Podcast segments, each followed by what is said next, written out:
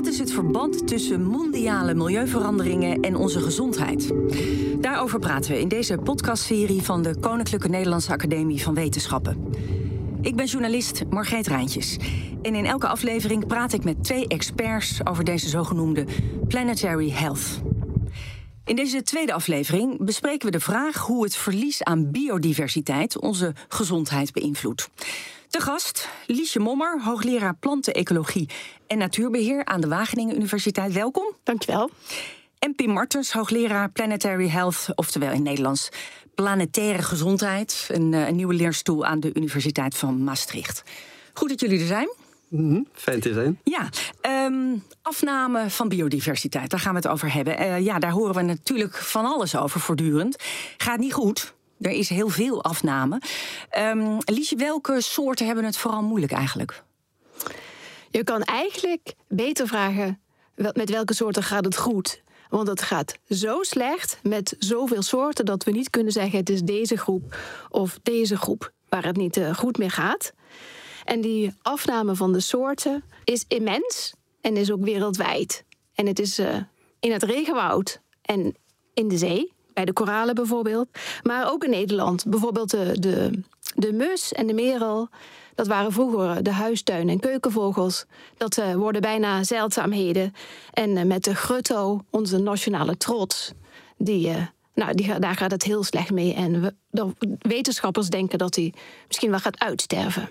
Ja, is dat nu de gedachte? Nou, het gaat heel erg slecht met heel veel vogels. En dat gaat niet alleen maar slecht met heel veel vogelsoorten. Er zijn ook heel veel inheemse boomsoorten bedreigd, wel de helft. Het gaat ook heel slecht met kikkers en salamanders. 20% van die soorten is bedreigd. En van de zoogdieren is 17% bedreigd. Dus we verwoesten onze natuur en daarmee eigenlijk ook onszelf. Je zei je kan beter vragen met welke soorten het goed gaat. Met welke soorten gaat het dan wel goed? Nou, de ooievaren, daar gaat het goed mee. Um, er zijn ganzen waar het goed mee gaat. Dus er, er zijn zowel een aantal soorten uh, waar het goed mee gaat. Maar het belangrijkste boodschap is: het gaat vooral heel erg slecht met heel veel soorten. Ja. Ja, wat heftig eigenlijk, hè? Ja, dat is heel heftig.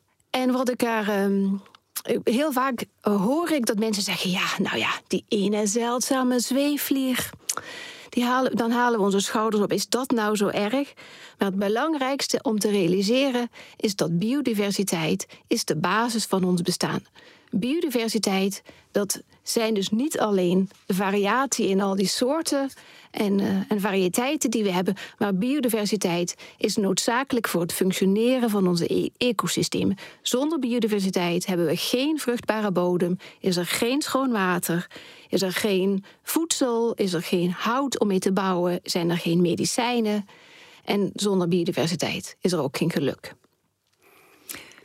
Ja, als ik daar misschien mag op aanvullen. Eh, ehm, het afname van soorten, dat, eh, het wordt ook wel eens in de wetenschap genoemd dat we nou in de, in de zesde golf van uitsterven zitten. Hè? Waar we een aantal golven hebben gezien natuurlijk in het verleden, zoals het uitsterven van dinosaurussen bijvoorbeeld. En ik geef zelf ook altijd in mijn college het voorbeeld als vooral de jonge generatie zich daar heel slecht een voorstelling bij kan maken. Kijk, een ijsbeer die, die misschien minder wordt of heel zielig op een ijsschot zit, hè, wat ook met klimaatverandering te maken heeft natuurlijk. Of de grutto, die net al uh, gezegd wordt, uh, dat is misschien wel, wel direct te zien. Maar uh, het voorbeeld wat ik altijd geef, toen ik de leeftijd van mijn studenten had, een jaar of twintig, en ik ging met de auto vanuit Maastricht naar Amsterdam, dan moest ik echt wel onderweg of op de terugweg even stoppen om mijn vooruit schoon te maken met al platgeslagen insecten die daar tegenaan zijn gevlogen. En nu niet hoor. Je kunt nou gewoon rustig uh, een aantal uur rijden uh, zonder dat je heel hoop insecten op je vooruit hebt. Dus dat geeft wel aan dat er toch wel een, een heel groot verschil is ten opzichte van enkele jaren geleden. Want zo lang is dat natuurlijk ook alweer niet geleden.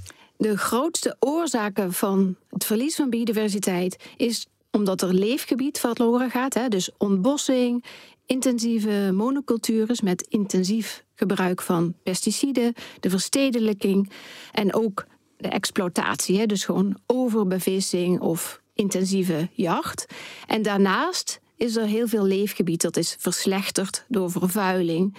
En ook klimaatverandering speelt daar een rol. Sommige soorten die worden gewoon opgejaagd um, doordat het warmer wordt en dat ze niet meer kunnen blijven op de plekken waar ze wonen. En het allerbelangrijkste om je te realiseren is dus dat biodiversiteit en klimaatveranderingen zijn twee kanten van dezelfde medaille. Er zijn heel veel interacties tussen klimaatverandering en biodiversiteit. Die twee dingen die versterken elkaar. En eigenlijk is dus biodiversiteit de hoopvolle antwoord op klimaatverandering. Als we in staat zijn om biodiversiteit vast te houden, dan, kunnen we, dan hebben we eigenlijk een soort veiligheidsnet, een veiligheidsgordel voor de klimaatverandering waar we met z'n allen op afstevenen. Want hoe werkt dat dan? Als we goed functionerende ecosystemen hebben, dan zijn die in staat om ons klimaat te reguleren. Dan, dan, dan wordt het minder heet bijvoorbeeld, dan zijn er minder bosbranden, dan ehm, kunnen we ook kunnen onze bodems kunnen meer uh, koolstof opslaan. En dat geldt ook voor de zeeën. Als daar goede voedselwebben zijn, dan kan er heel, kunnen ook het plankton wat in die zee leeft, kan ook heel veel koolstof vastleggen.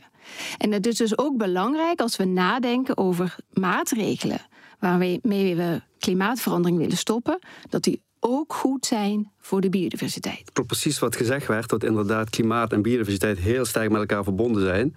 zowel in, in de versterkende effecten als ook de, de mitigerende. Dus dat ze elkaar kunnen, kunnen eh, verminderen, de effecten. En het gekke wat ik vind is dat je dan in veel, um, geldt ook al voor de wetenschap, maar zeker ook in beleidsovereenkomsten, wordt op één van de twee gefocust. we zijn natuurlijk, uh, hebben pas de Conference of the Parties, de klimaatonderhandelingen in Egypte gehad. Dat ging heel sterk over klimaat. Uh, en wat mij betreft mag er ook veel meer de biodiversiteit uh, in voorkomen. Want men is niet doordrongen van de urgentie? Nou, ik denk het nog altijd niet. Uh, de, de, effecten komen natuurlijk steeds dichterbij. we zien ze steeds ook, ook direct, ook die van klimaat natuurlijk. Voorheen was het altijd nou, de Amazone, de koraalriffen, dat werd genoemd. en we zien natuurlijk ook steeds meer in, in Nederland voorbeelden. We noemden al insectenafname. Waardoor je dus ook uh, ja, misschien op kunstmatige manier je gewassen moet bestuiven. Omdat het gewoon natuurlijk een stuk minder gebruikt, gebeurt. Dus op die manier zie je het wel dichterbij komen. Maar nog altijd is denk ik de, de gevolgen die wij zien nog niet groot genoeg om daadwerkelijk de urgentie in te zien. En wetenschappers waarschuwen van, goed, het is een kwestie van, van tijd tot, tot daar ook systemen helemaal kunnen veranderen. Wat we net ook al even aanstipte, dat het natuurlijk uh, belangrijk is voor een, een ecosysteem. Hè, de, diensten, de, de, dingen die wij krijgen van een, uh, een gezond meer of een rivier of, of, goede lucht, dat komt allemaal door, uh, door ecosystemen om ons heen. En daar moet een bepaald evenwicht zijn tussen dieren, soorten, planten, alles wat er is. En het idee is tot daar op een gegeven moment, als je daar mensen of dieren uittrekt, bedoel ik, tot het ecosysteem totaal kan veranderen. Je kunt best misschien één dier uh, zien uitsterven, dan, dan wordt het vervangen door een plaatsvervanger. Maar op een gegeven moment houdt het gewoon op. En ik geef wel eens het voorbeeld als je bijvoorbeeld luistert naar een, concert, een concert van Mozart, en je ziet de, de, partituur en je haalt daar één noot uit, dan herken je het waarschijnlijk nog altijd. Haal je er nog een noot uit, dan weet je nog altijd, is Mozart. Maar op een gegeven moment weet je niet meer, wat je nou hoort. En, en dat is denk ik hetzelfde als je kijkt naar ecosysteem. Als je daar één soort uithaalt, oké, dat kan. Hè? Dat er is wel een soort eh, buffer en een, uh, soort veerkracht van een ecosysteem.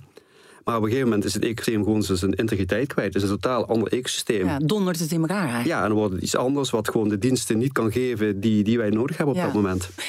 Want jij zei, Liesje, er zijn ook bijvoorbeeld soorten die dan door bijvoorbeeld klimaatverandering niet meer kunnen leven in het gebied waar ze normaal gesproken leven. Het bekendste voorbeeld is natuurlijk de ijsbeer er is straks geen ijs meer. En die, die dieren die moeten andere manieren vinden om, om toch te kunnen jagen.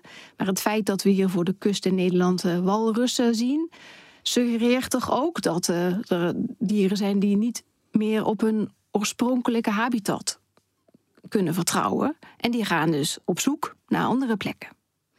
En dat heeft gevolgen voor de rest van de aarde eigenlijk? Nou, misschien niet per se die ene walrus, maar bijvoorbeeld als we dus veel minder walvissen krijgen, dan verandert de hele structuur van de zee, omdat ook het plankton dan niet meer gefilterd wordt of juist te veel gefilterd wordt. En dan verstoor je dus die balans en die CO2-opname. En dan, eh, of als de, de oceaan nog weer zuurder wordt. Er zijn allerlei feedback loops die zijn super ingewikkeld. Daar zijn wetenschappers ook hartstikke druk mee bezig om proberen uit te zoeken hoe dat werkt. Dus, dus het is complexe materie, maar wat wetenschappers op dit moment zeggen is: wie je ook spreekt, iedereen maakt zich zo grote zorgen over het verlies van die biodiversiteit dat het systeem is at risk. Er, mensen, wetenschappers luiden de alarmklok en denken dat het echt nou ja, tien over twaalf is en dat we echt moeten zorgen dat we wat we hebben, dat we dat behouden en dat we vaart gaan maken met herstel van biodiversiteit en natuur. Want deze podcast gaat ook over de relatie tussen de afname van biodiversiteit en onze gezondheid. Je had het helemaal in het begin over uh, schoon drinkwater. Dat dat ook door afname van biodiversiteit in het gevaar is? Nou, misschien kan ik erop antwoorden. Kijk, uh, je kunt de diensten die ecosysteem voor ons geven, kun je in verschillende soorten onderverdelen. En één is ervan inderdaad tot ze uh, bijvoorbeeld gezonde watersystemen die zuiveren het water. Dus dan zou je ook, al veel minder zelf aan water en zuiver doen als je ecosysteem goed is. Hè? Of het nou kustecosystemen zijn of ecosystemen in rivieren. Maar er zijn veel meer dingen die ecosystemen kunnen doen. Hè. Ik denk een ander bekend voorbeeld wat iedereen wel eens gehoord heeft, is de zuiveringskwaliteit van bomen, van gezonde bossen. Hè, dat, dat zuivert toch voor een deel de lucht. Die heeft ook te maken met, met CO2-opname, wat we net zeiden, de relatie met klimaatverandering. Um, daarnaast vind ik zelf dat een gezond ecosysteem en biodiversiteit heeft een soort intrinsieke waarde. Ik vind dat dieren, planten, al wat leeft ook een recht heeft om te leven. En wie zijn wij om daar via al onze activiteiten eh, vaak eh, de soorten te laten doen, doen uitsterven. En er zijn ook wel wat misschien nog onbekende functies die ecosystemen kunnen geven. Er is veel onderzoek ook naar wellicht grondstoffen voor medicijnen die in, in, planten, maar zelfs ook in de oceanen nog kunnen voorkomen. Bepaalde dieren of, of koraalriffen, die kunnen die, die medicijnen misschien ook bevatten. Nou, we weten helemaal niet wat er nog wellicht te ontdekken valt. En misschien is het al, al weg voordat we überhaupt weten uh, wat mogelijke grondstoffen of, of andere uh, wetenschappelijke kennis we kunnen opdoen, kunnen opdoen van die ecosystemen. En daarnaast heb je een hele praktische functies. Hè. Bijvoorbeeld koraalriffen die zijn ook een natuurlijke kustbescherming tegen, tegen overstromingen, tegen stormen. Nou, als die koraalriffen verdwijnen, dan is dat ook een stuk minder. Een heel erg menselijk effect is tot koraalriffen mooi zijn, dus toeristische trekpleister. Nou, dat is misschien meteen met onze gezondheid te maken, maar het is wel ook een ecosysteemdienst die, die, die heel erg vanuit een menselijk perspectief redeneert. De moeite waard is om in stand te houden. En zo zijn er nog steeds veel meer. Hè? Maar de belangrijkste zijn, denk ik, eh, tot gewoon gezonde ecosystemen die zorgen voor ons voedsel, voor ons water en voor onze lucht. Nou, dat is natuurlijk de basis van onze gezondheid. Ja, want die voedselvoorziening zou in gevaar kunnen komen bij een afname van biodiversiteit? Jazeker wel. Minder dan 10 gewassen maken 70% van ons dieet. dus rijst, soja, mais zijn, worden wereldwijd heel veel geteeld en dat, dat is wat we eten. Dat is eigenlijk best beperkt. En er is één voorbeeld, het meest gegeten fruit op aarde, dat is de banaan. En daarvan uh, gebruiken we maar uh, één genotype, dus één variëteit. Dus alle bananen in de supermarkt, maakt niet uit bij welke supermarkt je koopt, of die bio is of niet. Het is allemaal precies hetzelfde genotype. Nou, dan kan je wachten tot er een een ziekte uh, uitbreekt. Nou, die ziekte is uitgebroken en in die zin is de, staat de banaan eigenlijk op uitsterven. dus we moeten wel uh, eh, 50 keer per jaar spuiten, die bananen, om die, eh, om die ziekte er, uh, eronder te houden. Dus, dus dat is een heel concreet voorbeeld, de banaan. Maar zo is dat voor heel veel andere gewassen ook aan de orde. Dus een van de dingen wat we kunnen doen, is zorgen dat we die uh, variatie van onze gewassen, van wat we eten, om dat veel groter te maken. We zijn ook aan het werk in Wageningen om te kijken of we weg kunnen van al die monocultuurvelden, van die hele landschappen vol met één en hetzelfde gewas. Maar een van de voorbeelden wat we, wat we hebben of wat we aan het ontwikkelen zijn, is strokenteelt, waar we dus meerdere gewassen in rijen van ongeveer drie meter kunnen groeien. En op die manier brengen we dus meer variatie in het landschap. En daarbij zeggen we dan: oké, het moet niet alleen de gewassen moeten, moeten diverser zijn op zo'n veldschaal, maar er moet ook meer ruimte komen op die velden voor natuur. Bijvoorbeeld het aanplanten van heggen of het breder hebben van die stroken. Dus dat we echt een groen-blauwe dooradering van het landschap krijgen, waar ook dus de, de vogels en de insecten gewoon permanent een plek in het landschap kunnen vinden. En zijn dat pilots die jullie uitvoeren? Het is begonnen met pilots, maar er zijn echt steeds meer boeren die dat omarmen, die dat proberen. En ik moet ook zeggen, dat zijn dus de echte vakmensen. Ik bedoel, wij wetenschappers kunnen bedenken hoe het werkt. En die boeren die zijn echt geweldige vakmensen. Die kunnen dat echt hartstikke goed. En het allergaafste wat er dan gebeurt is dat ze ook met elkaar leren hoe je dat beter kan. Hè? Dus als de boer A ineens uh, drie rutters op zijn, uh, op zijn perceel heeft, dan denkt boer B, hé, hey, dat kan ik ook. En zo, nou ja, zo helpen ze elkaar en zo leren ze elkaar van elkaar. En dat is, nou, dat vind ik altijd positieve verhaal van, van hoe we samen het beter kunnen doen. Ja. En in die zin denk ik ook dat de boeren een enorm belangrijke rol hebben. Zij zijn echt de mensen die ons landschap hoeden en dat ook hartstikke goed kunnen. Je noemt nu de Gutto. Er is een soort aanvalsplan van de Gutto om te zorgen dat hij het overleeft in Nederland. Um, is dat afdoende, dat soort ja, acties?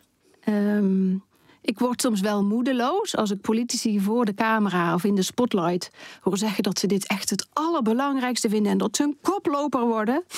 En uh, dan uh, in de Kamer of uh, niks doen, tegenstemmen en het verder verschuiven, het probleem naar de volgende generaties. Daar maak ik me enorme zorgen om. Maar ik geloof ook dat we met elkaar het probleem kunnen oplossen. En er zijn ook dingen die je, die je kan doen als consument. Een van de dingen is eet diverser, eet meer lokaal. Ga naar een planetary diet, hè, dus minder vlees, minder zuivel. Maak plek voor de natuur in je tuin of op je balkon. Het maakt niet uit. Er is in Nederland ook een operatie Steenbreek heet het. Dus mensen die hun betegelde voortuintjes ja, openbreken en daar allerlei planten planten. Dan heb je niet alleen een mindere uh, last van veel regenval door klimaatverandering, maar je vergroot ook de biodiversiteit. En nou, je ziet toch ook wel, hè, in relatie met wat we eten, haalt niet allemaal van ver. Uh, in ieder geval, ik zie in mijn omgeving steeds meer voedsel, bossen, tuinen, lokale initiatieven waar mensen samen uh, hun eigen voedsel verbouwen. Op een wat natuurvriendelijke manier uiteraard, zonder gebruik van insecticiden of pesticiden. Heeft een positief effect. Ook de sociale cohesie, dus het is meer dan alleen het, het, het biodiversiteitsverhaal in, in, dat soort initiatieven. Maar je kunt ook zelf veel meer doen. Maar nogmaals, ik denk dat er ook wel heel hoop onbekendheid is bij, bij overheden en bij mensen zelf. Maar is dit dan eigenlijk wat we kunnen doen? Hè? De tuin de schoener maken, um, lokaal eten, et cetera? Of zijn er nog andere dingen die je kan doen behalve, ja, weet ik het, op een groene partij stemmen? Nou ja, kijk, uiteindelijk denk ik moeten we nog een stap verder gaan. Moeten we zeg maar onze hele denkwijze veranderen voormannen van de Native Americans, uh, leiders van de Maasai in, in Tanzania, uh, een, een shamaan uit, uit Groenland. Je ziet dat uh, de inheemse volken op een heel andere manier met natuur en biodiversiteit omgaan. Op een veel respectvollere manier dan wij. Ja, en hoe creëren we dat dan? Ja, ik, ik denk ook klein begin. Hè. Ja, ik ben misschien heel naïef om te denken dat als je gewoon uh, meer respectvol omgaat met, met alles om je heen, of het nou huisdieren zijn of uh, dieren die je wellicht eet. Kijk, onze bio-industrie is natuurlijk ook iets wat we niet echt willen, denk ik. Uh, maar ook gewoon met, met, de, met de planten en andere biodiversiteit die je om je heen ziet. Dat dat de eerste stap is. En hoe je dat krijgt, ja, dat zal heel langzaam moeten groeien. Dat heeft te maken denk ik, met educatie. Uh, wellicht ook met, met, met het instellen van, van ja, waar je in gelooft. Je, je cultuur, je identiteit. En dat zal het meest lastige zijn, denk ik. Want hoe zie jij dat liedje? Overheden moeten doorpakken met een aantal wetten die gaan over het beschermen van onze planetaire grenzen. En daarnaast is er heel veel innovatie en, en, en lerend vermogen nodig. Hè? Dus ik denk, iedere school, iedere klas moet iedere week naar buiten. Ga maar ervaren hoe leuk het is om een eekhoorn te zien in een boom. Of om te zien dat uh, je eigen geplante sla groeit en, uh, en bloeit. En, en dat je dat kan eten. Dus, dus dat, is een, dat is een concrete uh, ding. Er zijn zoveel manieren om je te verwonderen over, nou, over de schoonheid van de natuur. En dat moeten we veel meer naar voren brengen. Tegelijkertijd denk ik, en dat ben ik helemaal uh, met Pim eens, we moeten ook nadenken over onze mindset. We kunnen niet meer blijven groeien en we kunnen, moeten dus nadenken van hoe moeten we nou ja, onze economie herzien hoe kun, kunnen we in plaats van steeds maar weer nieuw, nieuw, nieuw, meer, meer, meer, verder, verder, verder met het vliegtuig, kunnen we ook manieren vinden om meer te gaan genieten van het kleine of van uh, recyclen of, of dat soort dingen. En ik geloof dat we daar echt heel veel van elkaar ook kunnen leren. Bijvoorbeeld eh, leren hoe je lekker vegetarisch kan koken. Ik bedoel, als daar meer programma's over zijn, of op televisie, of dat is gewoon inspirerend. Dus het moet eigenlijk de gemakkelijke keuze worden om, nou ja, om lokaler, meer diverser en beter voor het milieu te gaan leven. En je hebt het over de grenzen die de overheid moet aangeven. Waar denk je dan bijvoorbeeld aan? Bijvoorbeeld de pesticidenwet of de natuurbeschermingswet. Dat zijn allerlei grote projecten van de, van de Europese Commissie. Die moeten strenger worden, die wetten. We mogen bepaalde pesticiden niet meer gebruiken, gewoon. Punt. Ja, die mogen we niet meer gebruiken. Ja, en, en is dat iets wat reëel is, dat dat erdoor komt? Laat ik zo zeggen, het kan. Onze wetenschappers zeggen dat het absoluut mogelijk is om met heel veel minder pesticiden dan we nu gebruiken te boeren. En ja, dat is niet makkelijk. Dat vergt van, van onze boeren dat ze niet standaard uh, het, de akker oprijden om de twee weken om een bepaalde behandeling te doen, maar om te kijken, hey, is het eigenlijk wel nodig? Wat is het weer? Um, wat is de verwachting? En om dan in te grijpen waar het nodig is. Onze boeren zijn zo goed opgeleid, die kunnen dat. Maar onze boeren uh, laten ook van zich horen. Ik bedoel, dat is jullie ook zeker niet ontgaan. Met uh, omgekeerde vlaggen. Uh, omdat ze bepaalde maatregelen niet zien zitten. Natuurlijk, het is niet makkelijk. Maar geloof je dan toch dat dit erdoor komt? Het moet erdoor komen. Ja. En, ja. en, en, en, ik, en ik, misschien gaat het niet nu lukken. Tegelijkertijd, hoe langer we wachten om deze veranderingen toe te passen, hoe zwaarder het wordt. Want die gezondheid van ons. Um, nou, jullie hebben aangegeven die hangt samen met die biodiversiteit. Wat gebeurt er met onze gezondheid als er niet heel snel wat gebeurt eigenlijk? Ja, en, en dan zullen we waarschijnlijk nog meer dan, dan, dan nu uh, allerlei effecten te zien. Corona is niet voor niks een waarschuwingsgemees in mijn ogen. Hè, tot we al niet op de goede weg zitten. Nou, in het meest slechte scenario, met, met uh, totaal geen uh, herstel van biodiversiteit, klimaatverandering, wat nog erger wordt dan we wellicht nu denken, ja, dan, dan is de kans op, op, op dit soort mondiale pandemieën is natuurlijk groter dan, dan als je probeert om die ecosysteemdienst en, en de biodiversiteit in stand te houden, het klimaat een beetje te temperen. En wat nog meer? Wat is er nog meer gevaarlijk voor onze gezondheid? Ja, ik, ik, denk dat ook uh, een heel cruciaal iets is natuurlijk onze voedselvoorziening. Wij, wij, wij, moeten eten uiteraard, uh, hoe dan ook. En, en, en nu krijgen we uh, al, al niet al het voedsel bij de juiste mensen. En, en de uh, inspanningen die we moeten leveren om, om bepaalde voedselproductie op stand te houden, ja, dat is natuurlijk niet het meest duurzame. Uh, dan hebben het niet alleen over Nederland, maar ik denk in een aantal andere gebieden is het wellicht nog, uh, nog minder duurzaam.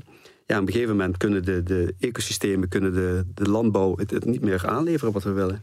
Ja, het voorbeeld van de banaan bijvoorbeeld, dat is een vrij onduurzaam product, maar het is wel een uitstekend voorbeeld om de kwetsbaarheid weer te geven. Gezondheid is natuurlijk ook mentale gezondheid. Hangt die ook samen met uh, biodiversiteit? Jazeker.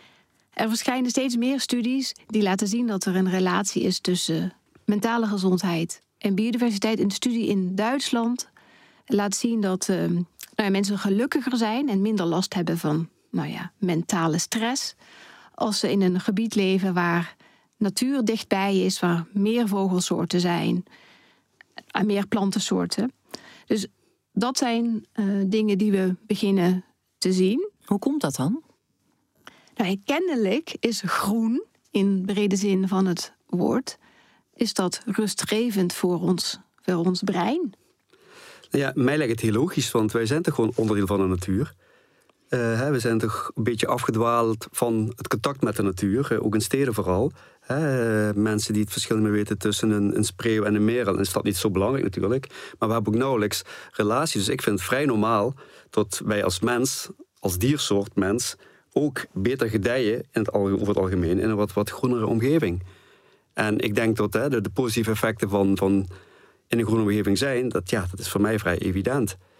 Uh, ik zou ook willen om, omkeren uh, met, met uh, klimaatverandering. Er zijn al heel veel onderzoeken over klimaatangst. Hè? Mensen die echt, en vooral jonge mensen, die kijken naar de toekomst en, en worden heel angstig omdat ze bang zijn voor wat hun te wachten staat. Ik vermoed dat iets hetzelfde ook speelt met biodiversiteit. Als je daar gewoon goed over nadenkt, de snelheid van afname van soorten, dus dat je ook op een negatieve manier, dus als het afneemt, de biodiversiteit, dat je daar wel eens angstige gevoelens van kunt hebben. Dus het is aan twee kanten werkt het in stand houden van de biodiversiteit, uh, uh, denk ik, positief voor onze gezondheid. En we voelen ons prettiger en we maken ons minder zorgen als we ervoor zorgen dat de biodiversiteit uh, niet alleen blijft zoals hij nu is, want dat werd in het begin van het gesprek gezegd. Ik denk dat we ja, moeten oppimpen, het moet weer, weer meer worden. Hè? Dus het houden zoals het is, is al waarschijnlijk niet voldoende. Wordt er gewerkt aan een nieuwe soort banaan in Wageningen? Er wordt gewerkt aan allerlei manieren om, te, om te, dat, dat we de banaan kunnen houden. Maar het interessante is, er zijn dus 1700 bananensoorten. En daar zouden we dus gewoon uit kunnen putten. Alleen wij hebben dat gewoon één genotype gebruikt, omdat dat gewoon efficiënter is. Dat is makkelijk, hoef je niet na te denken. Want die andere soorten bestaan nog wel? Ja, ja, ze bestaan wel. Maar maar we gebruiken ze gewoon niet. Oké, dus het, is het idee is, die soorten die we nu niet gebruiken, laten we daar eens naar kijken om te zorgen dat die andere niet uitsterft, eventueel. Ja, dat is een van de dingen om te, om te doen, om te kijken hoe, hoe, hoe kunnen we uh, die bananen, uh, die andere bananenvariëteiten gebruiken om, om nou ja, dat we weer bananen hebben. Maar sommige daarvan zijn helemaal niet lekker. En sommige bananen worden vooral gebruikt voor de vezels. Dus die, die zijn oneetbaar. Dus dat is ook waarom het belangrijk is om biodiversiteit te bewaren. Dat we zeg maar, die genetische variatie weer kunnen gebruiken om, nou ja, om dat in te kruisen in onze eigen banaan. Om te zorgen dat gewassen weer resistenter worden. En tegelijkertijd wil ik daaraan toevoegen, je kan dus werken aan dat ene gewas om dat beter te krijgen, om dat resistenter te krijgen. We kunnen ook gaan werken aan teeltsystemen die gewoon intrinsiek robuuster zijn.